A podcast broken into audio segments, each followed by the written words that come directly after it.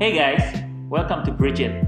My name is Edwin, Director of Stepland Bridge, a growing management consultant that focuses on people. Bridge It is a podcast dedicated to learn, share, and discuss insight about leadership, development, and business from people point of view. Let's check it out.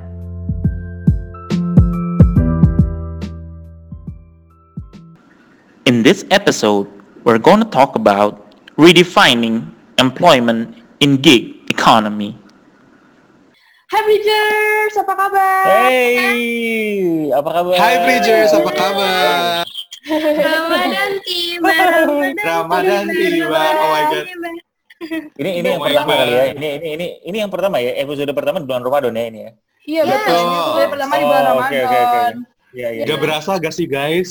Iya, kalau gitu selamat menjalankan ibadah puasa bagi yang menjalankan. Menjalankan. Jalankan. Yes. Ya. Iya.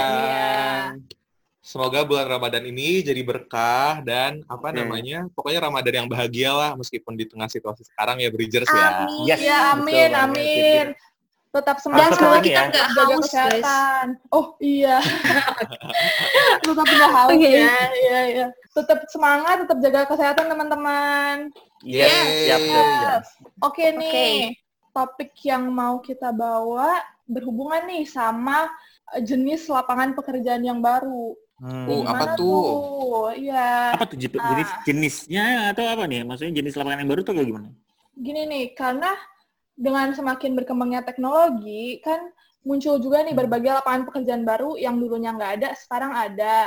Sekarang ini Iya. ada nih, namanya gig employment. Hmm. Oh. Hmm. Kayaknya pada sering denger ya, akhir-akhir akhir-akhir ini kita kita sering suka denger juga ya ini kayak Iya, eh, gig eh, employment apa gig ekonomi, gig ekonomi, gig Hmm. employment gitu-gitu. Mhm. Hmm. Nah, Sebenarnya apa apa sih gig em- gig employment itu? Jadi pekerjaan tradisional tuh biasanya kan full time, terus satu karyawan dia bekerja dan terikat pada satu perusahaan. Gig employment ini Mhm. beda karena dia bentuknya itu adalah temporary job dan ini bisa contohnya tuh bisa dalam bentuk freelancing atau mungkin sharing economy employees kayak Hmm. ojol, ojek online atau Uber drivers. Itu contoh salah satu Hmm. pekerjaan Oh, oke. masuk gig employment. Nah, gig employment sendiri juga dibagi jadi dua. Yang pertama itu ada yang full time, yang mereka memang kerja sehari-harinya itu per project, dan yang kedua itu side Mhm. gigs. Hmm. Apa tuh side gigs? Oh, Side gigs, familiar juga tuh. karena side gigs ini contohnya mereka setiap hari itu bekerja full time di perusahaan, tapi setelah mereka bekerja full time, mereka misalnya uh, jadi ojek online buat pekerja, buat penghasilan tambahan. Nah, ini salah satu contoh gig employment yang jadi side gigs gitu. Oh, kalau bahasa lokalnya kerjaan sampingan gitu ya. Ah, betul banget. Iya. Bahasa- Side itu sampingan ya, ya, ya. Oke, Iya, oke, iya. oke. Yang bikin apa ya gig employment ini menarik nih buat banyak orang itu karena fleksibilitasnya pertama. Kedua, gig employment ini mereka bisa milih nih pekerjaan apa yang mereka mau. Oh, oke, Oh. oke. Dan sebenarnya mereka yang emang full time sebagai gig workers ini punya high very high level of skill, makanya mereka ngerasa secure enough buat melepas pekerjaan full time mereka jadi freelancing kah atau ambil apa temporary projects gitu. I see, Hmm. betul, betul, betul, betul. Ini menarik banget ya, ini karena nanti mungkin gue pengen share juga sih, eh, apa namanya, eh, dilihat dari evolusinya employment gitu. Jadi dari zaman dulu itu seperti gimana jam sekarang. Cuman, Hmm. cuman nanti mungkin yang lain dulu boleh eh, apa namanya eh, eh, kasih pandangan dulu mungkin dari dari sisi employee-nya atau misalnya jadi orang yang melakukan gig, gig ekonomi gitu eh, Hmm. ada. Oh, oke, oke. Iya, iya. Aku kebetulan nih ada sedikit perspektif dari apa namanya eh, sisi orang-orang yang melakukan gig, eh, they are gig employees gitulah ya. Jadi mereka tuh pekerjaannya kayak based on the gigs, projects dan lain-lain. Nanti mungkin dari Kak Ebin perspektif yang lebih senior begitu mungkin ya. Eh, apa namanya Oh, pembahasannya. Lebih senior ya. Oke. Mungkin mungkin dari Nah, sisi mungkin dari sisi employer aja mungkin ya dari sisi employer. Iya, dari iya, sisi Ya orang dari sisi employer Iya, yang iya, lebih iya, iya. lebar apa namanya eh, scope-nya Iya, gitu iya, ya. iya, betul, betul. Oke. Iya, iya. Nah, jadi eh, kalau misalnya tadi ini dengar-dengar kata-kata gig employment, ah, gig employee apa segala macam itu tuh mungkin kurang apa namanya kayak hah, kayak familiar but gak langsung klik gitu loh. Nah, begitu jadi kayak oh, turns out I know some people who work like this kayak gitu. Seorang anggota keluargaku sebenarnya ini I, Yeah. I have an uncle. Uh, he works in entertainment. Jadi dia itu uh, Hmm. memang musisi dan Wow. produser. Wow, itu. that? Gak tahu nih Mirna Nah, nah, nah, nah, can you nah. Can you spill? Eh, aduh, I, I don't know if I can spill or not. Oke, keep it secret. Nggak, tapi dia dia dia uh, basisnya di Solo dan Jogja seperti itu. Tadinya di Hmm. Jakarta cuma udah pindah. But uh, jadi kayak I see when he was working, jadi polanya dia bener-bener kayak bener-bener project based. Jadi kapan dia ada gig untuk producing, kapan dia ada gig untuk apa namanya uh, tampil atau ngiring, jadi pengiring uh, jadi pengiring band kayak gitu. Nah, jadi yang aku perhatiin nih dari si omku ini, his schedule is very flexible. Kalau misalnya lagi nggak ada project gitu ya, atau misalnya nggak ada yang project fix, itu dia bisa kayak misalnya he only works like two three days a week, tapi kayak income-nya pun tetap dapat kayak gitu. Jadi ini juga sih yang yang aku yang aku anggap paling menarik dari gig employment model ini. Satu dari sisi uh, pelaku pekerjaannya, dia itu jauh lebih fleksibel untuk mencari opportunities-opportunities yang cocok buat dia, yang sesuai gitu dengan kemauan dia sendiri kayak gitu. Itu yang pertama. Terus yang kedua, by being somebody who works with this gig employment model, itu seseorang itu harus benar-benar jadi jauh lebih self-reliant. Jadi benar-benar harus lebih uh, bergantung sama dirinya sendiri. Ini bener, bener banget nyambung yang kata Nana tadi mungkin ya. They have to be really confident in their skills enough. Hmm. Jadi kayak mereka tuh bisa kayak lepas without maybe like the security of working uh, corporate job atau Hmm. misalnya without the apa namanya uh, ya biasa kalau orang kan bekerja di suatu perusahaan terutama yang established pasti kan image-nya tuh kayak oh job security ya gitu. Padahal sebenarnya uh, by being a gig em- employee, you can still have job security, tapi kayak it's a way more self-reliant. You have to be way more self-reliant. Jadi if you want to have security, ya harus pinter-pinternya mereka juga kayak gitu. Contohnya nih Oh, Omku. Salah satu yang aku perhatiin adalah uh, dia di industri dia, industri entertain itu, he knows a lot of people. Hmm. Hmm. Even pe- Ah, even connections. Exactly, network. Oh, Kayak even people that I thought he wouldn't know, turns out he knows. Kayak gitu. Wow. Oh, Jadi Jadi kayak kenal banyak orang artis dan musisi gitu-gitu dong ya? some, some. Wow, Uh, Wira. tapi, uh, Oke, let's talk separately after this. penasaran Oke, jadinya ya. Tapi tapi tapi uh, kalau aku kalau aku perhatiin sih, mungkin omku itu lebih kenalnya banyak yang behind the scenes-nya, mungkin yang Hmm. manajemennya kayak gitu-gitu. Iya, Karena iya, iya. apa?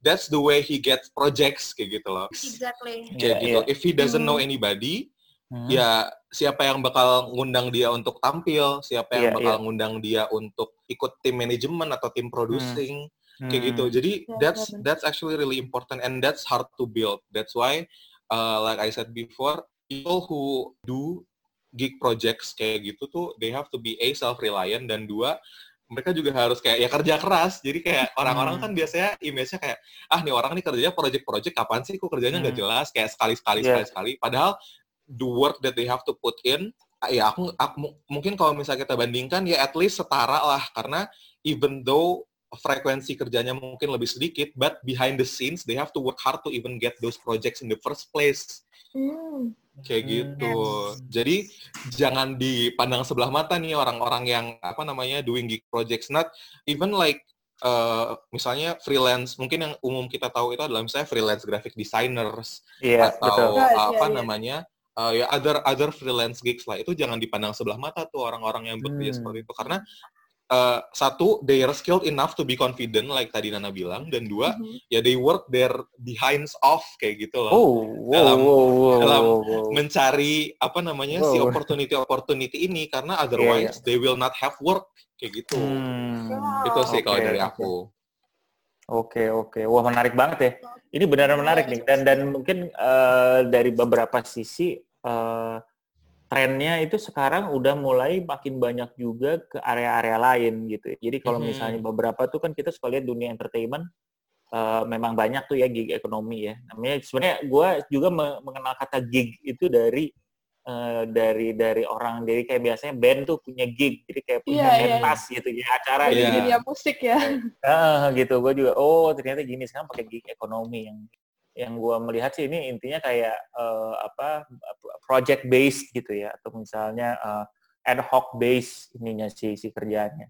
Nah, gue sebenarnya pengen memberi mengambil eh, apa namanya angle dari eh, mungkin si employment eh, apa ya mungkin bukan his- historical atau misalnya pandangan eh, apa ya kayak kayak revolution atau apa evolution mungkin ya jadi Hmm. zaman dulu tuh kan mungkin ketika zaman re- revolusi industri beginning of 1900 itu adalah uh, orang itu kan bekerja terus sudah gitu mungkin kayak banyak factory manufacturing gitu. Jadi orang uh, stay uh, dan kerja mungkin di sebuah tempat ada waktunya gitu 9 to 5 terus gitu apa kerjaannya role-nya dan banyak orang yang mungkin kerjanya apa ya maksudnya lama untuk bekerja di satu Hmm. role gitu-gitu. Eh, terus sudah gitu mungkin kalau misalnya kita per- pernah lihat juga mungkin kakek atau orang tua kita ya kerja di satu perusahaan atau satu tempat dari mulai dia lulus sekolah sampai pensiun gitu. Anak-anak eh, yang zaman sekarang udah lebih sebentar lagi dia suka pindah-pindah. Mungkin dalam sekali employment productive eh, years-nya mereka itu mungkin bisa pindah beberapa kali semakin ke sini ya ini mungkin yang gua melihatnya ini sebagai gig ekonomi ya. Even mereka tuh udah nggak lagi ter eh, kungkung cie terkungkung atau ter ya, mereka affiliated eh, punya employment di satu tempat aja gitu. Jadi mereka base udah tahu skillsnya apa mungkin mereka build up skillsnya eh, mungkin juga udah sempat kerja dulu abis itu mereka keluar eh, dan eh, ikut sama si gig ekonomi ini gitu. Kenapa? Menurut gua karena ini from both sides ya. Kalau dari sisi company-nya company pun sekarang eh, jadi eh, tidak lagi memberikan banyak eh, benefit atau misalnya eh, framework of work dan dan dan remuneration itu untuk orang untuk kerja long term gitu. Hmm. Kenapa? Lu misalnya zaman dulu mungkin pernah dengar ada orang yang punya rumah dinas, Iya. ya, Iya, say- benar. terus kayak gitu. Jadi lu punya di lu kerja di mana, dikasih rumah di mana gitu kan. So that is, sekarang kayaknya udah nggak apa ada company yang ngasih itu. Terus udah gitu eh, apa namanya pensiun ya Mhm. uang pensiun itu juga kayaknya juga sekarang udah sangat sedikit kalau gue nggak pengen nggak ada ya selain pe- pe- pemerintahan mungkin yang yang masih ada Mhm. pensiun ya pensiun pun kalau misalnya ada ya dia ngi- mengiur sendiri gitu ya iuran sendiri Iya. dari dia itu Dipotong So- dari gaji tiap bulan gitu ya. betul betul so Iya, so iya, apa iya. namanya so the the company how the company treat their employees pun juga semakin uh, I would say short ininya tuh gitu apa namanya short term lah. Ya Hmm. jadi bukannya mereka nggak mau tapi mereka ready juga. Mereka nggak nggak pengen invest in such a long time. Jadi dua-duanya employee-nya juga nggak pengen kayaknya lifetime employment in one place. Company juga kayaknya nggak pengen ta- tahan orang lama-lama kecuali memang orang keren-keren banget gitu ya. Nah si gig ekonomi adalah menurut gua adalah uh, the latest one of the latest trend untuk itu. Di mana uh, beberapa company yang gue tahu multinasional itu sudah memulai sedikit demi sedikit menerapkan. Jadi ada orang yang uh, yang mungkin uh, salah satunya uh, tadi Nana bilang ada yang part time. So people can work part time. Dua tiga hari uh, hari lainnya dia nggak nggak gitu. Uh, even uh, gua secara pribadi pernah mengalami apa apa uh, ya sekarang itu ada sebuah platform uh, how to manage the gig uh, ekonomi uh, di gig employment. Jadi um, toolsnya namanya uh, Upwork. Jadi di, kita bisa daftar uh, apa namanya kita bisa daftar uh, terus mereka akan rilis tuh uh, dia akan ngefeed what are the jobs yang ada di company itu yang uh, misalnya let's say uh, sebuah company X gitu ya. Company X uh, pakai si Upwork Upwork nanti oke gue mau punya project ini. Gue perlu freelancers atau gue perlu orang yang gig employers yang ini.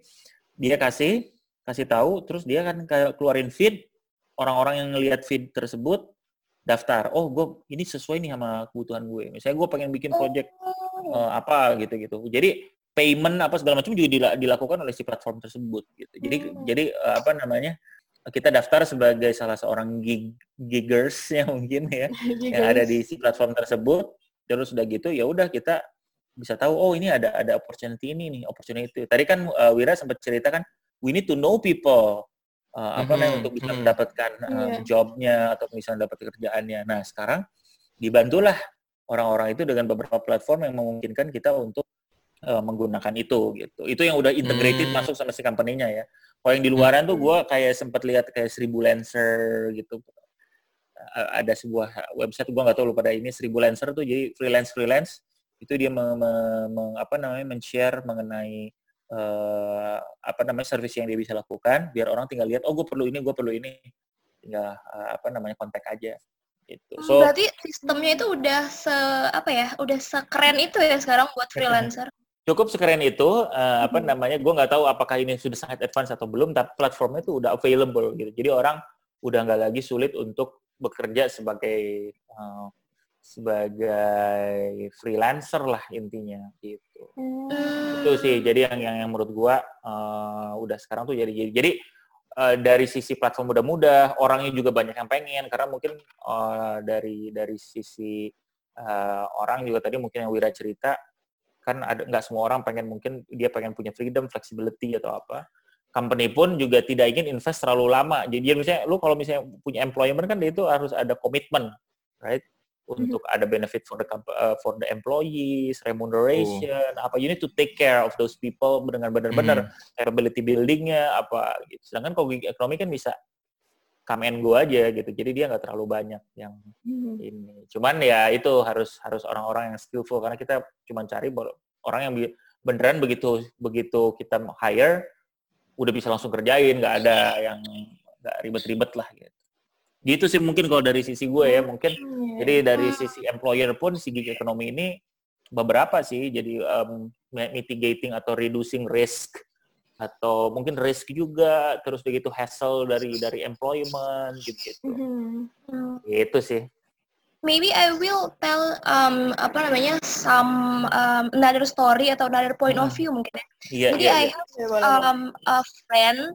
Hmm. Jadi tuh sebenarnya gue juga kayak dibukain insight juga gitu dari dia soalnya dia itu juga um, working on a company tapi mm -hmm. dia uh, menjadi side gigs tapi um, side gigsnya dia itu um, enggak align sama um, kerjaan dia di company itu Oh, okay. itu dia jadi, jadi diverse ya dia fieldnya ya. Yes, exactly. Jadi tuh ada juga ternyata orang yang misalnya dia accounting graduates, terus kayak misalnya dia jadi um, apa namanya accounting associate, hmm. for example, yes. in one um, company, tapi dia um, menjadi freelancer, um, kayak content writer, uh, tapi freelancer gitu. Hmm. Jadi ya itu um, apa namanya pekerjaan sampingannya itu malahan um, bukan based on uh, kerjaan dia asli tapi based on passion dia aja gitu. Dan hmm. um, I ask her um, kenapa nih um, lo mau buka freelance ini dan dia bilang hmm. ya passion gue di content writer jadi kayak hmm. uh, dia learn by herself, dia get certified um, in another course, online course and so on, hmm. dan dia buka freelance content writer gitu. Hmm. I think hmm. itu uh, another another uh, apa namanya um, point of view yang bisa kita ambil. Jadi nggak semuanya hmm. itu tuh kayak ya udah dia kayak pengen jadi freelancer, tapi bisa juga itu based on passion dia yang nggak kesampaian di um, apa namanya um, real working place-nya dia gitu. Mm -hmm. Hmm. -hmm bisa juga, bisa juga. Atau mungkin juga ya seperti yang tadi kita sempat bahas ya, mungkin side gigs gitu ya. Jadi kayak modelnya yeah. uh, yang kayak tadi Muti bilang, terus habis itu maybe for reasons ya maybe that's their passion project atau hmm. misalnya hmm. ya memang they need kayak apa namanya additional apa income to support income, atau misalnya dia they're working towards something and require additional income kayak gitu-gitu. Itu juga sebenarnya uh, menarik banget sih menurutku karena gimana ya uh, gig employment ini jadi bisa dibilang juga jadi salah satu sarana penyaluran minat dan bakat gitu ya.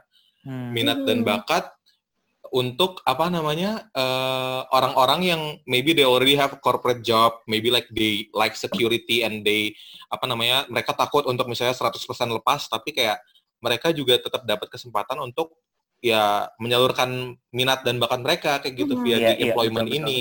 Betul, hmm. Ya, jadi kalau misalnya dipikir-pikir lagi benar ya, kayak mungkin banyak benefitsnya dari gig employment ini. Contohnya, uh, gig workersnya bisa memilih nih dia mau jenis pekerjaan yang kayak gimana yang kayak temannya Muti yang sesuai passion dia dan kayak juga omnya Wira dan selain itu juga uh, pekerjaan mereka tuh sangat fleksibel dan kayak biasa project based dan sekarang yeah. juga hmm. banyak platform-platform modern yang ngebantu freelancer untuk ketemu sama pemak apa pengguna jasa mereka dan company juga bahkan bisa ngepost pekerjaan-pekerjaan untuk gig hmm. workers nih gampang dengan adanya website. Yeah. Tapi ada hmm. beberapa challenge juga nih dari gig employment ini. Yang pertama, ya seperti yang poin yang Wira sampaikan, kalau mereka tuh harus uh, benar-benar mandiri. They have to be self-reliant, di mana mereka mengatur hmm segala sendiri mulai dari mungkin keuangannya terus juga uh, job-job yang masuk nah ini sih juga hmm. jadi salah satu hmm. penting karena biasa gig employment ini uh, buat buat beberapa orang ini bisa dibilang nggak terlalu secure karena sekali lagi mereka iya, project betul. base oh, dan betul. dari sisi company-nya sendiri mungkin ini lebih ini ya lebih beneficial karena pertama mereka bisa spend less money karena untuk para gig workers ini uh, mereka nggak banyak mengeluarkan uang dari fasilitas ataupun dari benefit hmm. dibandingkan dengan full time employee ya. Yes, betul. Kayak gitu, sampai di sini dulu diskusi kita. Thank you so much for today's yeah. discussion. Oke, okay, bye. Thank you. Bye. Bye, Bridgers. Have a great Bye, Ramadan.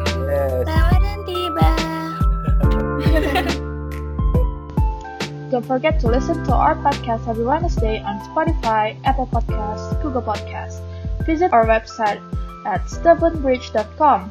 For any inquiries, email contact at stubbornbridge.com.